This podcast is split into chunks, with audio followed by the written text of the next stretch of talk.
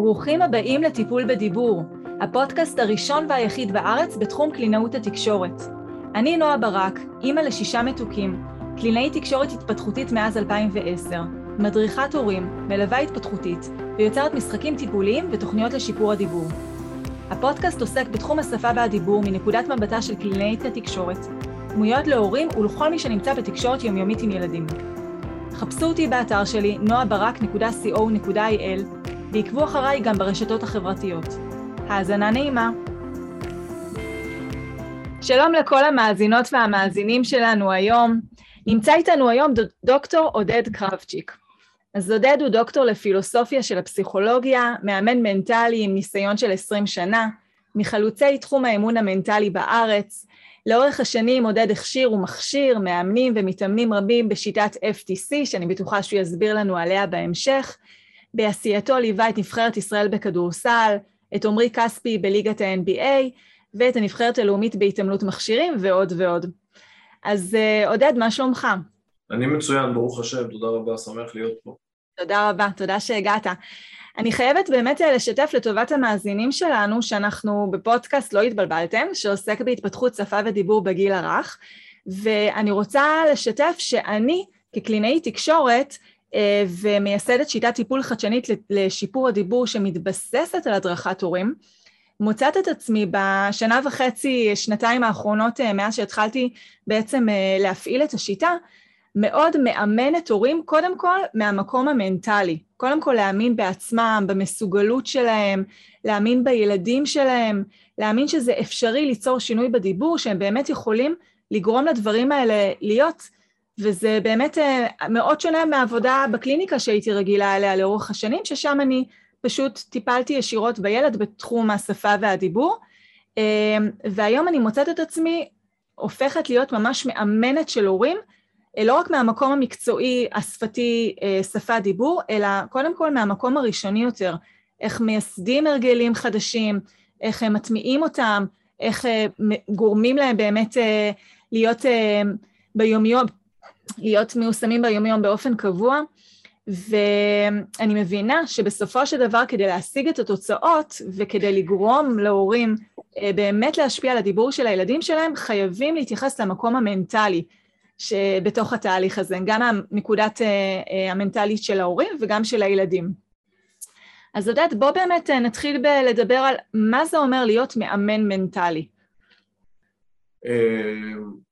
אוקיי, okay, אני אנסה לעשות את זה בצורה יחסית קצרה, שזה לא ייקח את, ה, את, ה, את כל הפודקאסט הזה ועוד שלושה אחריו, אבל uh, העולם המנטלי, בסופו של דבר מנטלי זה חשיבתי, בסדר? אנחנו יוצאים מנקודת הנחה מאוד מאוד, היום, היום כל המדעים, כלומר כל סוגי הפסיכולוגיות למיניהם, כל, כל, מקשרים יחס ישר בין המחשבה לבין הרגש. בסדר? לא משנה אם זה מדע יהודי או מדע אה, מערבי, זה לא משנה, פה יש איזשהו סנכרון. גם, גם האנטומיה הבסיסית תבוא תגיד שיצור אה, אה, כימיקלים במוח מייצר איזשהו מערך רגשי. בסדר? אז בכל, בכל מקרה יש את החיבור הישיר בין המחשבה לבין הרגש. אין לנו יכולת לשלוט על הרגש ישירות, אנחנו צריכים לשלוט עליו דרך המחשבות. אימון מנטלי זה אימון שבו אני מלמד את עצמי, מאמן את עצמי, לבנות מנגנון מחשבות שאני שולט בו, כלומר אני מלמד את המתאמן לשלוט במערך המחשבות שלו, על ידי זה לשלוט יותר טוב במערך הרגשות שלו, והרגשות כמנוע הם אלו שיגרמו לו לפעול בצורה הכי מדויקת שהוא יכול. כלומר אימון מנטלי בסוף אמור לייצר לך את הפעולה הכי מדויקת והכי נכונה על ידי שימוש נכון במערך הרגשי שהוא המנוע. אבל בסוף זה מערך שלם של אימון על, ה... על המחשבות. בואו נקרא לזה בצורה מאוד כללית, אני לא רוצה להיכנס עכשיו לרזולוציות. אימון, אימון על המחשבות. מתוך נקודת מוצא שהמחשבות הם הכלי המרכזי, אה, יש עוד מעליהם את האמונות, שמנהל בסוף את ההתנהלות שלנו מול הילדים שלנו, מול בני הזוג שלנו, מול הקריירה שלנו, מול כל מקום. זה מאוד מזכיר בעצם את שיטת אפרת, אירוע, פרשנות, רגש, תגובה. ש- שיטה? כן, כן, סליחה. כן, אני רוצה להגיד באמת שהיום כבר בגיל בית ספר יסודי, הבת שלי סיימה כיתה ד', מתחילה כיתה ה', והיא חזרה משננת את שיטת אפרת שהם למדו עם היועצת בשיעור. אה, היום כבר ממש מגילאים מאוד צעירים מלמדים את הילדים שלנו את הקשר הזה בין, ש... בין האירוע פרשנות רגש ותגובה, בין הפרשנות שאנחנו נותנים לאירוע מסוים, לרגש שזה מעורר בנו, לתגובה שמתרחשת בעקבות זה. אז, אז, אז נכון, אז, אז מודל אפרת, אירוע פרשנות רגש תגובה, הוא מודל אדלר, אדלריאני. אה, אדלר אה, קבע את המנגנון הזה, בא ואמר יש פה, איזו, יש פה, יש פה איזשהו תרשים זרימה מאוד ברור מהאירוע דרך הרגש, כאשר רובנו חי, חיים את החיים שלנו לצורך, נקרא לזה על ידי מודל, ארת, הפ' של הפרשנות לא נמצאת, רובנו חיים אירוע רגש תגובה, ואנחנו מייחסים את הרגש לאירוע ברוב המקרים, ב-99% מהמקרים אנחנו עושים את הרגש לאירוע, בא אדלר ואמר לא, יש פה באמצע עניין של פרשנות, תורת הנפש היהודית שאני אה, מפרסם פה איזשהו חצי קישור שהשיטת ה-FTC מושתתת עליה, באה ואומרת יש עוד דבר אחד לפני המחשבות וזה האמונות שלנו.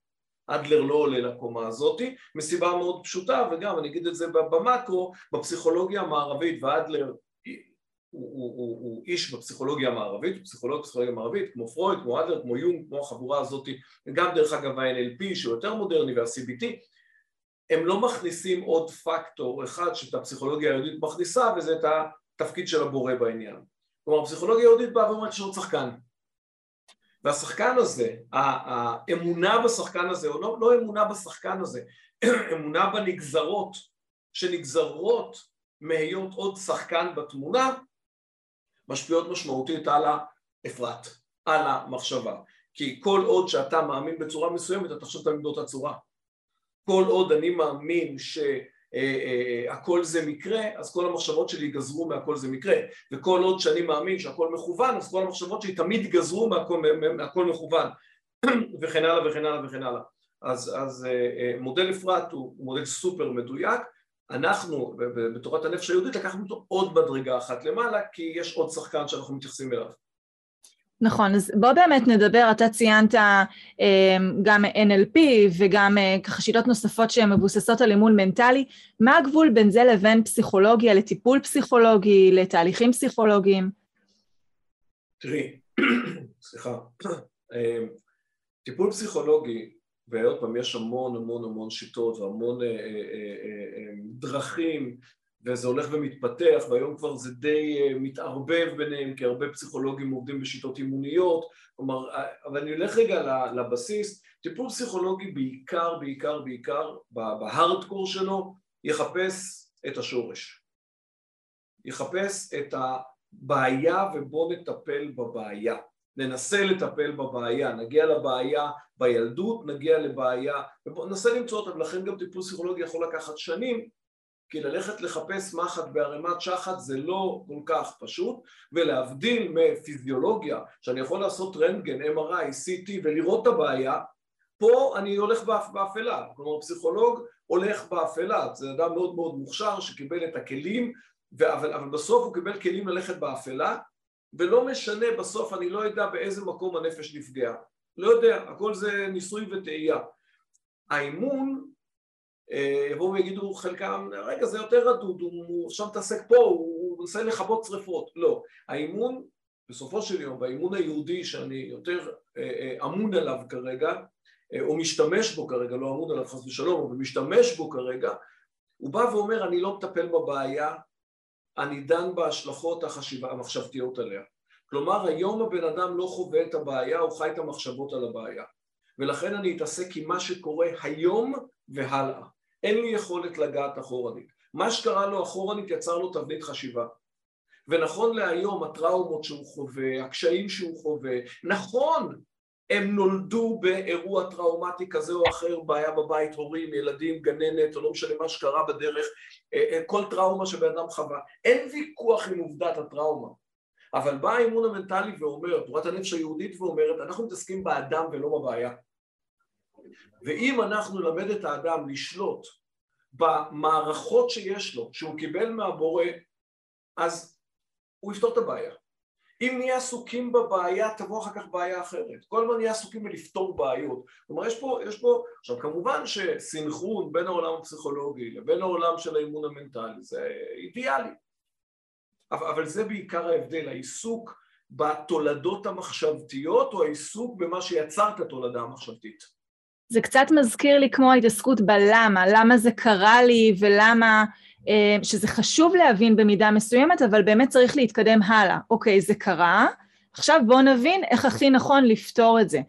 אה, זה באמת מזכיר לי שהרבה פעמים כשהורים מגיעים אליי הם מתחילים לשאול, אבל למה זה קרה ככה לילד, אז למה הוא נולד ככה, אז למה דווקא לא קשה ולילדים אחרים לא קשה. אז בוודאי שאנחנו צריכים להבין אם יש פה סיבות ראשוניות כמו איזשהו עיכוב מוטורי או איזושהי אה, חוסר בחשיפה או בעיית שמיעה או דברים אחרים שמשפיעים, אבל התבחבשות בתוך המקומות האלה היא לא, היא לא מקדמת אותנו. כלומר, הבנו, הקושי קיים, הבנו פחות או יותר עם כמה מידה יש לנו לשלוט על האם אנחנו יכולים אה, להשפיע על להעלים את הקושי או לא, אבל בהנחה ואנחנו מבינים שיש פה איזושהי תשתית שיוצרת קושי, בואו נבין איך אנחנו פותרים אותו בצורה כמה שיותר אה, יעילה, ושם אנחנו ממקדים את האנרגיות שלנו בעצם. נכון, זה, זה בדיוק זה, כי הלמה שאת מציגה, למה זה קרה לילד, למה זה קרה לנו, למה דווקא לא, הוא לא, אני אגיד לך, הוא לא באמת, ברוב המקרים, עוד פעם, אני לא רוצה לדבר קטגורית, הוא לא באמת למה של לחקור את הלמה, אלא למה של אה, קורבנות. נכון. למה זה קרה דווקא לנו? למה דווקא אנחנו צריכים להתמודד עם החוויה הזאת? כלומר, זה לא הלמה, בוא נבדוק למה. עכשיו, הלמה האמיתי הוא למה אמוני, הוא לא למה, כלומר, לא אמוני דתי, אמוני, כי בסוף אנחנו לא יודעים למה. לא יודע למה ילד, דווקא הילד הזה ככה, עזבי רגע מול ילדים אחרים, בתוך הילדים בבית. למה דווקא ילד אחד, אחד הוא מאוד אימפולסיבי, ילד אחד הוא מאוד מופנם? ומסתבר גם שהם תאומים, בסדר? אה, למה? למה? כי אם אני יוצא מנקודת הנחה שאני רוצה להאמין, ואני אומר עוד פעם, בלי, בלי קשר לדת, אני רוצה להאמין, אז אני בוחר את האמונה. למה? כי זה גזירת הגורל. עכשיו, אני אומר, אני סתם אומר את זה בכותרת, הלמה האמיתי יחבר אותנו למה אני רוצה להאמין. הלמה הקורבני ייקח ממני את היכולת להתמודד. זה מאוד מאוד חשוב להבין שכרגע יש סיטואציה, כמו שאת אמרת, יש סיטואציה. נכון, אפשר סקרנותית לשאול למה ולברר למה, אבל ברגע שהלמה הוא הופך להיות למה של קורבנות, עוד פעם, אני לא שופט אף אחד חס ושלום שזה לא יישמע ככה, אבל הלמה של למה זה קרה לי? למה זה מגיע לי? למה תמיד כל הדברים האלה נופלים עליי? למה? זה למה של קורבנות. כל למה כזה זה משקולת שמורידה את הכוח להתמודד. והשאלה כרגע היא לא למה זה קרה, או כמו שאת אומרת, אלא מה אני עושה עם הנתון הקיים.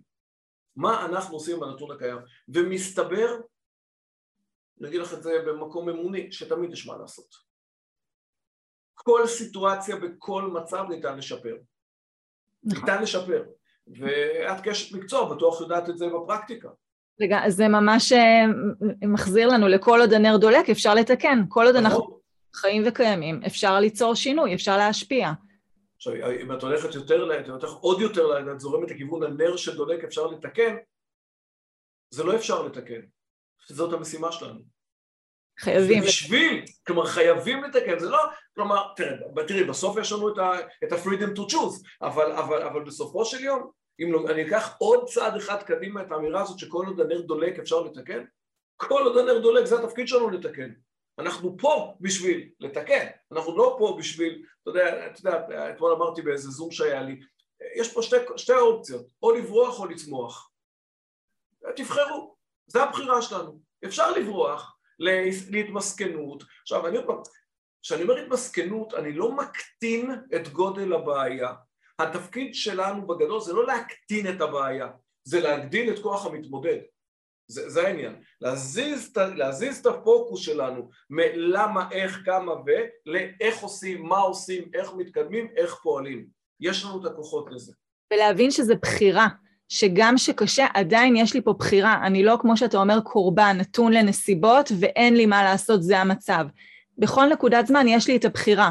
האם לקבל את הדברים כמו שהם ולהתמסכן ולהתקרבן, ולהרים ידיים, או לבחור את ההחלטות הנכונות שעוזרות לי ליצור את השינוי שאני מחפש. נורא חשוב גם לתת את הדגש שהרבה מאוד אנשים חושבים, אני רואה את זה בכל מיני סיטואציות, במשברים זוגיים, בכל מיני סיטואציות, בדרך כלל בזוגיות והורות, בדרך כלל זה המקומות הכי אה, טעונים בחיים שלנו, אה, זה שאם אני לא עושה דרמה, אם אני לא נשבר, אם אני... מה זה אומר עליי? זה אומר שאולי זה לא מספיק חשוב לי. אני השבעתי לא פעם אימא, אבא בסיטואציה אחרת, אין פה עניין סקסיסטי, אבל שהיא אומרת לי, אם אני לא כועסת על הילדים שלי, אז כנראה כבר לא אכפת לי מהם. כלומר, למה את מייחסת כעס, כעס לאכפתיות? האם, האם לא יכול להיות שיהיה אכפת לך מהם בלי שתכעסי עליהם? כלומר, או אם אני לא כועסת, זה אומר אני נותן לגיטימציה להתנהגות שלהם. מה הקשר? אני יכול לא לתת לגיטימציה להתנהגות של הילדים שלי גם בלי לכעוס. כלומר, המקום הזה שנורא קשה לעזוב את המסכנות, לעזוב את ה... את ה אני נשבר מזה, כי אם עזבתי ונשברתי, זה ישר עושה לי פה את החיבור בראש, כנראה זה לא מספיק אכפת לי. מהילדים של השכנים לא אכפת לי, אז אני לא כועסת עליהם לעולם. או אני לא, לא, לא מוטרדת מזה שיש להם חס ושלום בעיה. אם זה לילד שלי, הגיוני, אנחנו נותנים רציונליזציה לקורבנות, והרציונליזציה הזאת אה, יורד לנו ברגל. אז באמת ככל שאנחנו מדברים יותר זה מכניס אותי לשאלה שאני עוד רגע אשאל אותה, אבל אה, אני רוצה קודם באמת לשתף שאני הגעתי לתוך העולם המנטלי בחצי שנה האחרונה אפשר להגיד, אני אוטוטו בת 39 שנים, אני אה, מעולה, אני סיימתי לימודים, סיימתי תואר, אה, עבדתי כשכירה ואחר כך כעצמאית, ומה שנקרא, הלכתי לפי המיינסטרים ולא, מעולם לא נאלצתי להתמודד מול דברים שהם חדשניים או פורצי דרך או ככה מאתגרים בצורה יוצאת דופן. וברגע שהתחלתי בעצם אה, לייסד משהו שהוא חדש והוא שונה, הוא שונה ברמה לא רק בארץ אלא ממש ברמה העולמית, יחד עם הבנייה והגדילה של העסק ושל ההתפתחות שלי, התחילו להרים את ראשם כל מיני שדים מהעבר. ואז באמת התחלתי להבין שכדי שאני אוכל להמשיך להתקדם ובאמת לממש את, ה, את הדבר שלשמו אני מאמינה שאני נמצאת פה, זה אני חייבת להתמודד עם הדברים האלה, עם החסמים בתוכי, שהם משפיעים על הפעולות שלי ובסופו של דבר על העשייה שלי. ואז התחלתי באמת אה, לחקור ולהיכנס יותר לעולם של האימון המנטלי. ועכשיו אני רוצה לשאול אותך, מי לדעתך האנשים שזקוקים לאימון מנטלי? פחות או יותר אותם אנשים שזקוקים לחמצן. אה, זה, זה אותה אוכלוסייה, אתה יודע, אתה יושב עם אנשי שיווק שעובדים איתי וזה, אפשר להגיד מי קהל היעד שלך? כל מי שנושם, כאילו, כל, באמת, באמת, באמת. אה, אני אומר לך, קודם כל אימון מנטלי הוא לא טיפולי, בסדר? זה מאוד מאוד חשוב, זה, זה, הוא לא בא לטפל בבעיות.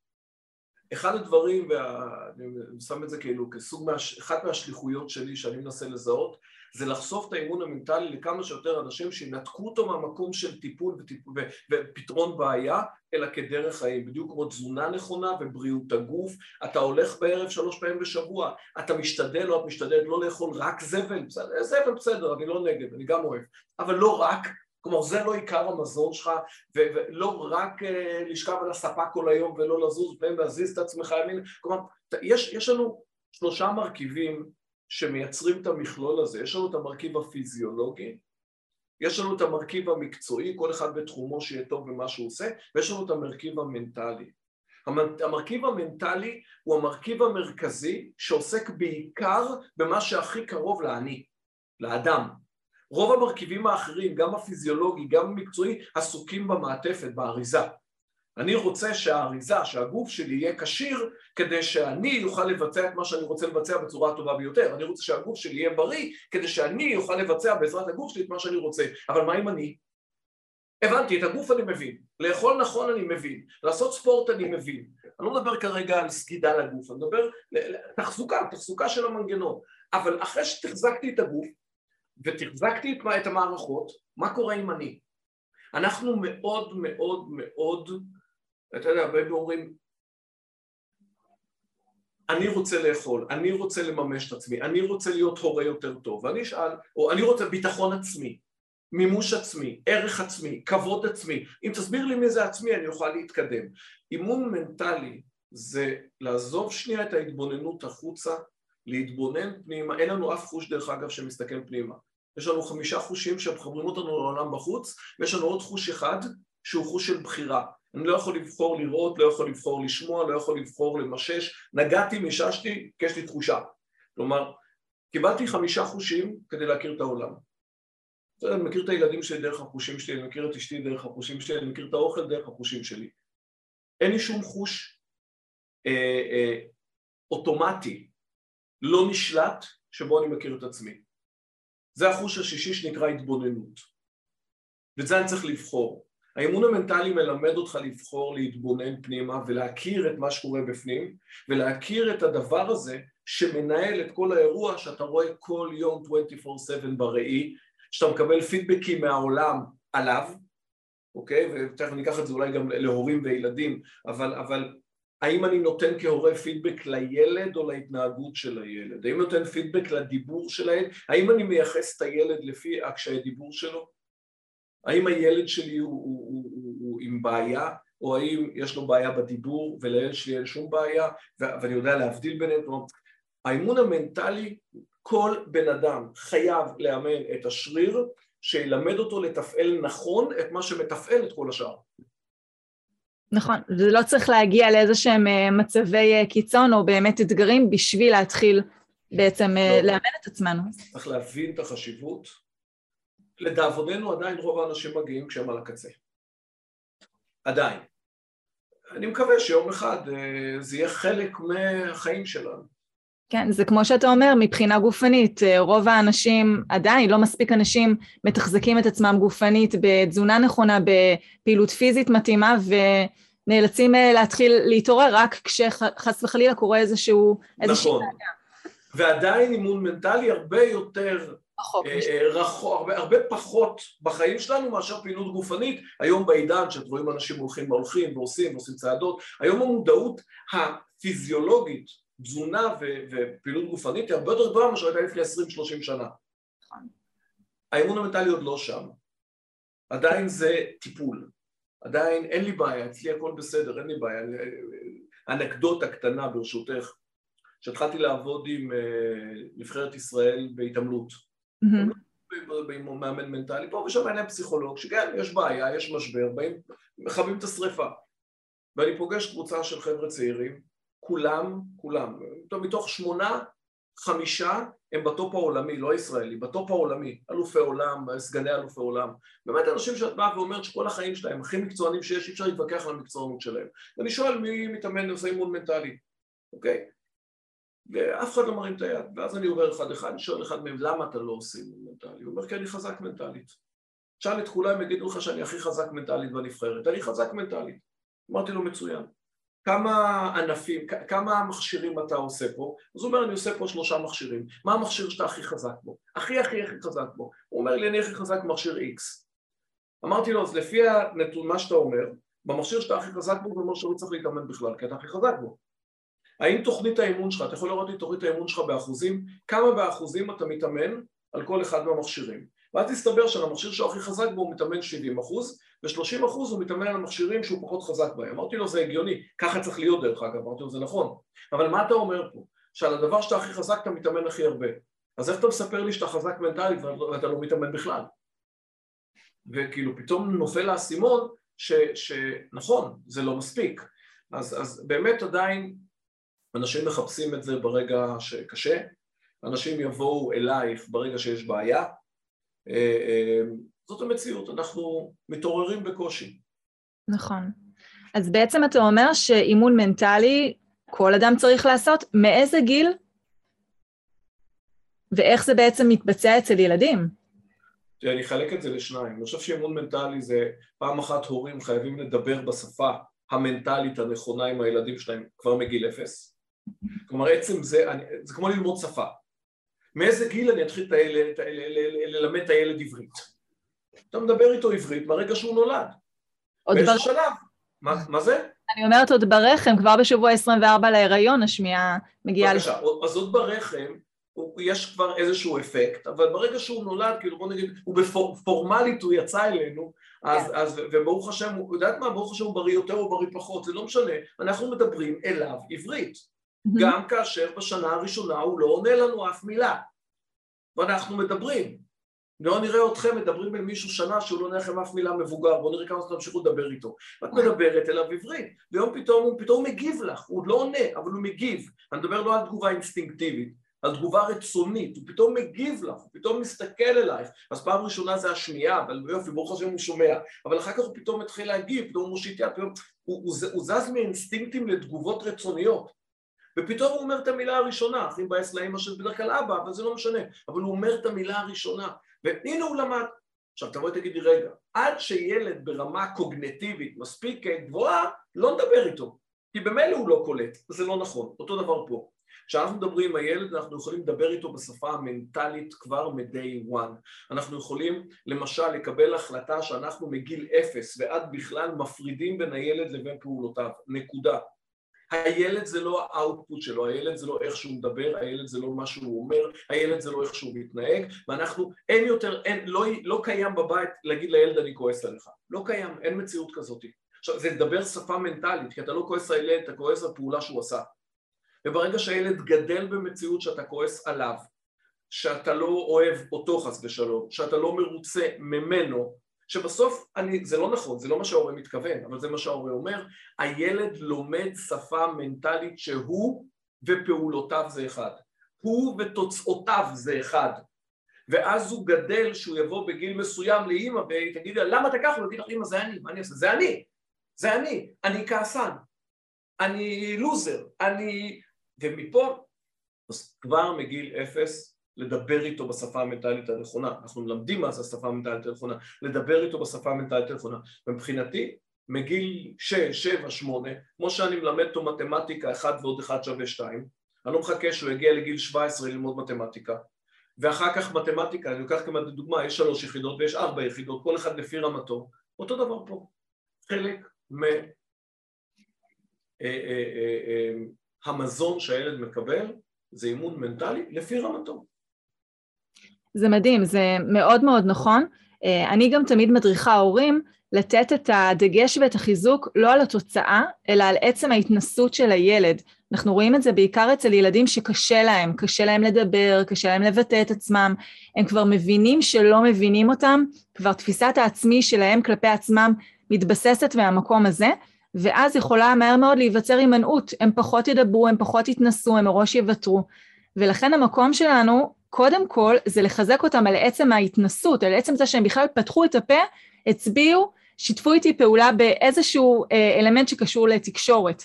כי מתוך המקום הזה שאני מחזקת אותם על ההתנסות, אני אגביר את ההתנסות אצלם, וככל שהם יתנסו יותר, אז הם יצליחו. אין דרך אחרת לדבר בלי להתנסות בדיבור. אז... קודם כל את מאמנת מנטלית מצוינת כבר, אני מעדכן אותך, עדכנתי אותך בזאת. כי, כי באמת, כשאנחנו מסתכלים על, על המציאות, על המציאות, אומרים תגידי זה אמוני, לא זה, זה, זה לא אמוני זה עובדתי, אין לנו שליטה על תוצאות. בעולם שאנחנו חיים אין לנו שליטה על תוצאות, נקודה. לא משנה במה אני מאמין, מאמין שיש אלוקים, לא מאמין שיש אלוקים, זה לא משנה. אין לך שליטה על תוצאה, אין לאף אדם שליטה על תוצאה, אוקיי? וככל שאני יותר אתמקד בתוצאה, אני אשיג אותה פחות. אני תמיד אומר לאנשים, תסתכלו רגע על Waze, אני אפתח את ה-Waze נורא מעניין לראות, אנשים לא שמים לב אפילו. אני פותח את ה-Waze, פתחתי את ה-Waze, אז קודם כל הוא מראה לי איפה אני. זה הדבר הראשון, הוא אומר לי איפה אתה, הנה, אתה פה. ואז הוא שואל אותי לאן נוסעים. ואני כותב לו נוסעים למכון וינגייט, לצורך העניין, יופי. ואז הוא זורק אותי ומראה לי פה, הנה הוא מראה לי את מכון וינגייט. אבל ברגע שאני אומר לו להתחיל בנסיעה, באותה שנייה הוא גמר להראות לי את המטרה, וזהו. עד שאני לא מגיע הוא לא מראה לי את מכון וינגייט יותר. למה? אם המטרה הכי חשובה, תראה לי כל הזמן את המטרה, אבל אם תראה לי כל הזמן את המטרה, אתה לא תראה לי את הדרך. וכל הסיפור של ה-way זה להראות את הדרך, וכל הסיפור של החיים שלנו זה הדרך. ככל שניתן יותר דגש על הדרך, ככה נגדיל את הסיכוי להשיג את התוצאה. ככל ש... אני, אני, אני אקח את זה עוד צעד אחד, יותר באמירה יותר ברורה. ככל שהתוצאה יותר חשובה, ככה צריך פחות להתעסק בה. ואז היהדות תקרא לזה השתדלות. זה התפקיד שלנו, להשתדל. אין לנו, עזוב את התוצאה. הבורא לצורך העניין, ואני אומר את זה בצורה ציורית, אבל זאת עובדה, אפשר לבדוק אותה. לא שיש בורא, שככה דברים מתנהלים. שיש בורא זה אמונה. אבל כשהדברים מתנהלים זאת עובדה. אז האמונה אומרת שהבורא אמר מאוד דבר מאוד פשוט, בוא נחלק את החלוקה, אנחנו שותפים. אתה אחראי על הפעולות, אני אחראי על התוצאות. עזוב את התוצאות, אתה תדאג לעשות את הפעולות. אתה עכשיו, את, את עכשיו אבא ואמא, הורים, יש לכם ילד שיש לו קושי, תגרום לו להתאמן כמה שיותר. רק אימון ייצר אה, אה, אה, מיומנות. רק תרגול מייצר הרגל. תזיזו ממנו את כל מה שימנע ממנו לתרגל, תקרב אליו את כל מה שיגרום לו לתרגל. אם אתם מאמינים כהורים שתרגול זה המפתח לייצר הרגל, לא סתם זה אותו שורש רגל, רגל זה האיבר בגוף שאחראי על תנועה, ולכן רגל, תרגול והרגל הם אותה, אותו שורש, אם אתם כהורים מאמינים, וזה עניין של אמונה, עוד פעם, אי אפשר לברוח, שתרגול ישפר, כמובן תרגול נכון, ואז תיקחו אנשי מקצוע שיגידו לכם מה לתרגל נכון, עזבו אתכם מאינטואיטיבית, כי אינטואיטיבית, אינטואיציה והורות זה שני דברים שיכולים להזיק לילד, בסדר? אני מאוד אומר את זה, בטח שכל הורה רוצה טובת הילד יותר מאשר המטפל שלו, בסדר? אבל זה לא פעם גם הבעייתיות ש, ש, ש, שאני בא ממקום, ואז אם אני מבין וההורה מאמין ואני אשאל את ההורה אתה מאמין שתרגול ככל שהילד יתרגל יותר הסיכוי הוא יגדיל סיכוי להצליח? אם הוא יצליח או לא אני לא יודע אין לי שליטה על תוצאה גם כמאמן אין לי שליטה על תוצאה לא מתחייב לתוצאות אנשים מתקוממים מה אתה לא מתחייב לתוצאות? אני לא עובד איתך אני, ברבע שאני אשים לי פה על הדלת לא כתוב דוקטור עודד קרבצ'יק, יהיה כתוב אלוקים, אני אתחייב על תוצאות. כל עוד שלא כתוב אלוקים, אני לא מתחייב על תוצאות. אני מתחייב על הגדלת סיכוי. אני יוצא מנקודת הנחה שככל שבן אדם יתרגל יותר, תרגול נכון יותר, הוא יגדיל את הסיכוי להשיג את התוצאה. אבל בטוח הוא ישתפר מאיפה שהוא היה לפני התרגול. וכרגע כל מה שאנחנו צריכים לעשות זה לעודד פעולות תרגול ולהזיז דברים שמונעים תרגול, וזה בדיוק מתחבר למה שאמרת. ומה שמעניין פה שכשאנחנו מדברים על ילדים, כיוון שההורים הם סוכני השינוי, הם הזרוע שבסופו של דבר משפיעה על הילדים, אז יש פה עוד רמה מעל, כלומר כדי שילד יוכל לתרגל צריך הורה שמתרגל. הורה שרוכש הרגלים נכונים, הורה שמתמיד ומיישם ולא מתייאש גם כשהוא לא רואה אחרי יום את התוצאות שהוא מחפש לראות, ורק כשההורה יתמיד, אז הילד יוכל להתמיד ואז נראה בעצם את התוצאה. זה, הוא משפיע עליו. וזה רק מחזק את העובדה, למה גם מורה צריך להיות מאומן. נכון, לגמרי. מורה חייב להתאמן, כי אחת הבעיות המרכזיות שמונעות ומניעות אותנו בחיים נקראות אגו, מה לעשות? עכשיו האגו, האגו המודרני שאנחנו קוראים לו אגו, תורת הנפש תקרא לזה ישות, אוקיי? אבל היש, תחושת היש. המנגנון הזה שאם הילד שלי יש לו בעיה, מה זה אומר עליי? אם הילד שלי עכשיו הסברתי לו עשר פעמים ועדיין הוא לא מבין, למה אני מתעצבן? הרי אנחנו יודעים שכאשר אתה כועס, אתה רואה את עצמך, אתה לא רואה את האחר. זה אומר שמהר מאוד שאתה כועס על הילד שלך, כלומר את כמטפלת או אני כמאמן, יהיה לי הרבה יותר אורך, אורך רוח מול מתאמנים שלי מאשר מול הילדים שלי. בסדר? אני יכול להסביר למתאמן שלי עשר פעמים, ואם הילד שלי יסביר עשר פעמים זה יזיז אותי. כי שמה אני אייחס את זה כבר אליי. זה הילד שלי, מה זה אומר עליי. זה לא מתאמן שלי, זה לא... זה, זה, הוא קשה, לא אני קשה, אבל ברגע שזה הילד שלי, ההורה חייב להיות מאומן, כי הסכנות הכי גדולות שלנו כהורים זה שהילד שלנו מפגיש אותנו הרבה יותר מהר עם האגו שלנו מאשר כל אדם אחר. והאגו שלנו מתרומם כמסך ואני כבר לא רואה אותו. אני מגדיר את עצמי על פי מה שקורה איתו. וברגע שאני מגדיר את עצמי על פי מה שקורה עם הילד שלי, אני כבר לא עסוק באלה, אני כבר לא יכול לתרום לו. אני עדיף לזוז, להירגע, ולחזור חזרה, שאתה אומר עוד פעם, אני רואה אותו. זאת עבודה, זה, זה, עוד פעם, תורת הנפש תקרא לזה ביטול וישות. לבטל את האני שלי. עכשיו, אתה עכשיו לא מעניין, אתה עכשיו שליח. את עכשיו שליחה, אימא'לה, את לא... את, מה התפקיד שלך? את פה לא כדי להגדיר את עצמך עם הטובה, עם הלא טובה, אה, הכל בגללי, לא, כן, לא בגללנו, הנה אנחנו העברנו לא גנטיקה, לא גנטיקה, לא משנה, זה הקורבנות, את לא העניין עכשיו, סליחה שאני אומר את זה, אתה לא העניין, אבאלה, עכשיו יש לכם שליחות, תעבדו, יש, זה השליחות שלכם, לא בחרתם אותה, אבל אתם יכולים לבחור איך תנהלו אותה. יש פה משהו שבאמת מתפספס הרבה פעמים, שהורים חושבים שאם מישהו אחר יטפל בילד פעם בשבוע, אה, איש מקצוע, ניקח אותו והוא בעצם ייתן את המענה לילד נקודתי באותו פרק זמן, זה פוטר אותי מהאחריות. ופה זאת נקודה מאוד מאוד חשובה שמתפספסת, שאין אף אדם אחר שיכול פעם בשבוע לתת מענה לילד, כמו ששום דיאטה לא תצליח או שינוי הרגלי תזונה לא יצליחו, אם פעם בשבוע ארוחה אחת אני אוכל לפי הספר. זה משהו שהוא חייב להיות יומיומי וחייב להיעשות מהבית, מסוכני השינוי הכי משמעותיים עבור הילד, שזה תמיד ההורים. לגמרי, לגמרי, לגמרי, וזה עוד פעם, זה, זה, זה עוד פעם מחבר את, את, את המקום מטיפול לאימון. כן, הוא בא פעם בשבוע לפגוש את המטפלת, את, ה, את הקלינאית, את המאמן, אבל אחד הדברים שאני שם על השולחן ברגע שיושבים איתי, ולא משנה מה הכותרת, טיפול, אימון, או לא משנה מה, שהשינוי יקרה ברגע שיוצאים מפה. המפגש הוא ללמוד, הוא לבאר, הוא לנתח אירועים, הוא לייצר קרבה, הוא לשבור חסמים, הוא לתת רעיונות, אבל ברגע שיצאת מהמפגש, אתה מתחיל לעבוד. אם תגיע למפגש הקודם, ונמש... למפגש הבא, ואנחנו נמשיך אותו מהרגע שהמפגש הקודם מסתיים, אז בואו נעשה עשרה מפגשים רצופים יום אחרי יום. אם אנחנו מחליטים שיש שבוע, עשרה ימים, בין מפגש למפגש, כנראה יש משמעות לעשרה ימים האלה. זה, זה העניין. וככל שהילד יותר קטן, הוא צריך יותר תמיכה של מאמנים מהבית. כי אם חוזרים ואתה יודע שהוא פעם בשבוע הולך לפסיכולוג, פעם בשבוע הולך למאמן, לא יקרה לילד כלום. כלום. כלום, כלום, כלום, ואם כן, סייעתא דשמיא, אבל לא יקרה לילד כלום. כן, כנראה זה ייקח הרבה הרבה הרבה הרבה הרבה יותר זמן ותסכול והשקעה אה, של דברים מקרי ערך אה, בדרך שאין להם תחליף, אה, נכון? ויותר מזה, קחו בחשבון כהורים, אנחנו כהורים, שהתנהלות לא נכונה שלנו ביום יום יכולה להחריב ברגע שעה עם מטפל. לגמרי. ברגע אחד אמרת את המילה הלא נכונה. כלומר, כשאתה, אני, אני עוד פעם, תפיסת עולמי, כשאתה לוקח את הילד שלך לטיפול, שב אחרי זה עם מטפל ותשאל את המטפל איזה תהליך אני צריך לעבור כהורה. אני צריך לתמוך בטיפול הזה. אני לא, אין מציאות ששמתי אותו, הפסמתי, זה לא מחשב שמחליפים לו צ'יפים. הוא בא הביתה והוא 24/7 איתכם. גם כשאתם לא מדברים איתו הוא שומע אתכם, גם כשאתם מדברים עליו הוא שומע אתכם, גם כשאתם חושבים שהוא ישן הוא לא ישן, לא משנה, הוא, כלומר, הורה שלוקח ילד ורוצה באמת שהילד, להגדיל את הסיכוי שהתהליך יקרה, סיימתם עם הילד, תקבעו עוד פגישה עם המטפל, עם המאמן, תשאלו אוקיי, מה התפקיד שלנו? תקבלו, ת, תרדו, תרדו למגרש, אל תשבו על היציאה.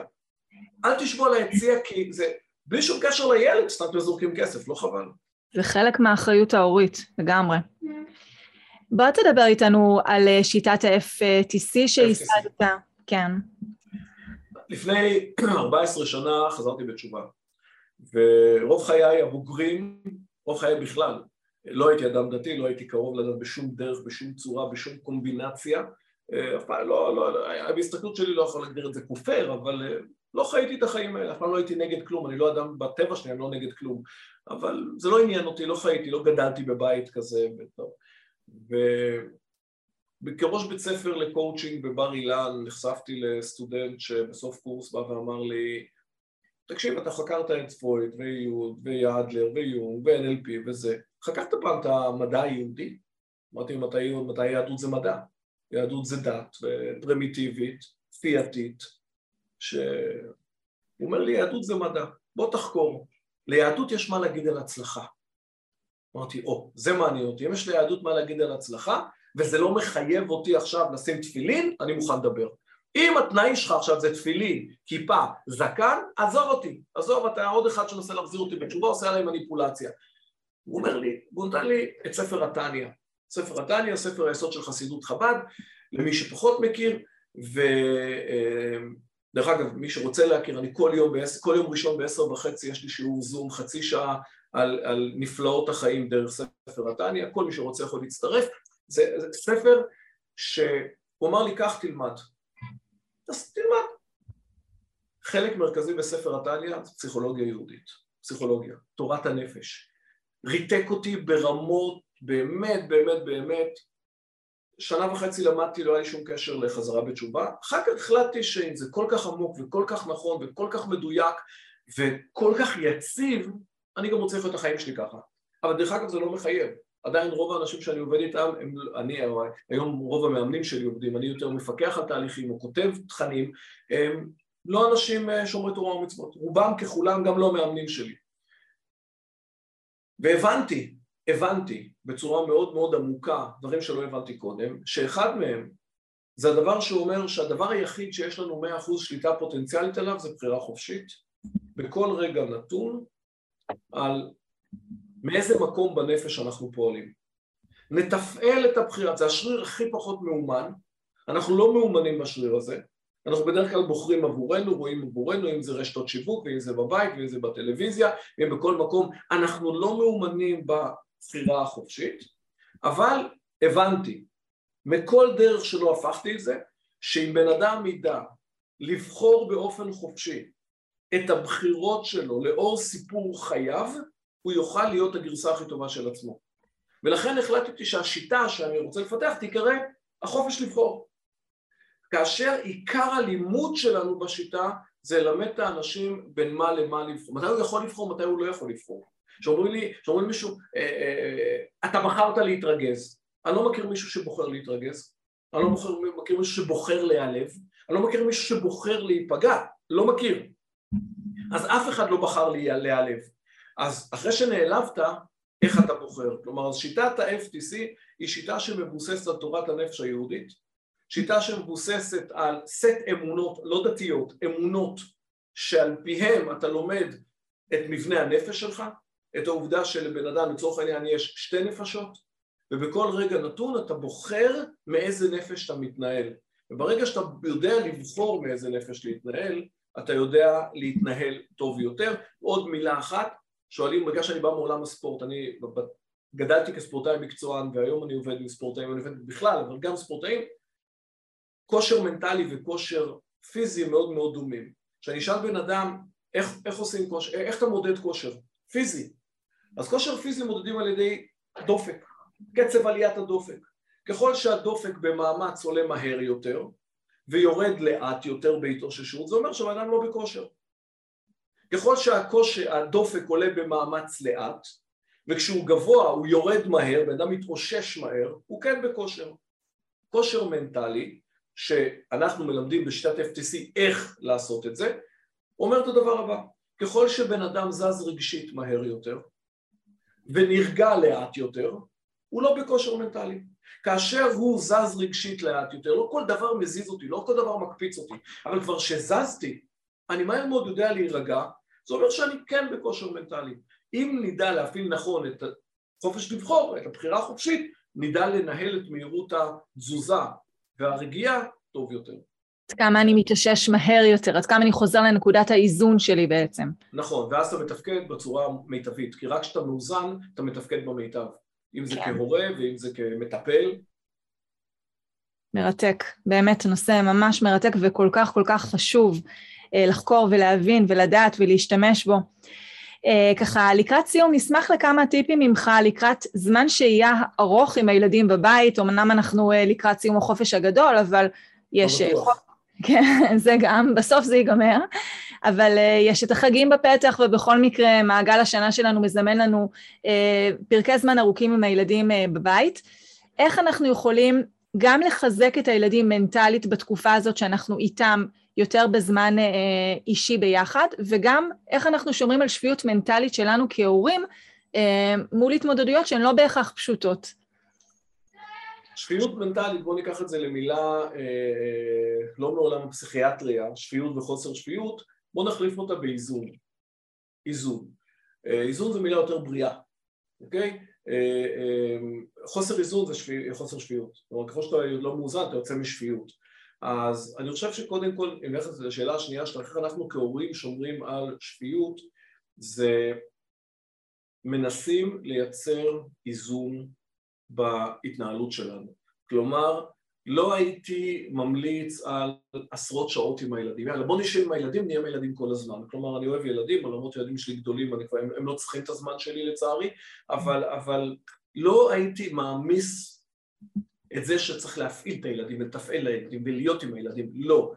צריך את הזמן, כלומר צריך לייצר איזושהי שגרה שבשגרה הזאת גם נותנים לילדים את הזמן שלהם כן זה בסדר שישחקו או יראו טלוויזיה כלומר לא להלקות את עצמי כהורה יואו, אני תקעתי אותו מול הטלוויזיה כל היום. לא, לא תקעת אותו, חלק מהזמן שישב מול הטלוויזיה, וחלק מהזמן שילך לחברים, וחלק מהזמן שיבואו חברים, וחלק מהזמן שישב עם עצמו בחדר ויעשה מה שהוא רוצה, וחלק מהזמן אתה תהיה איתו. כלומר, לא להיכנס לפוזיציה שאנחנו קציני הבידור של הילדים שלנו. לא. כי הם מהר מאוד יתרגלו ואחר כך הם יתבעו את זה. וזה יוציא אותנו מאיזון, כי בזמן שנרצה את עצמנו תבוא תביעה מהשטח. התביעה מהשטח היא נגזרת של הלימוד שלנו, של אילוף השטח שאנחנו נותנים פתרונות. אז אני כן חושב שהורים צריכים למצוא לעצמם, לעצמם את הזמן לשפיות. כן, כאינדיבידואלים, תהיה אבא עם הילדים, האם לכי תעשי משהו עם עצמך, עם חברות, עם חוג, עם הליכה, עם מה שאת רוצה לעשות. אבא, תמצא את הזמן. פה גם ההורים צריכים לתת. לכבד, לבוא להגיד, כן, לך תהיה עם עצמך קצת. זה בסדר. שב עם חברים, לך לס... תהיה עם עצמך.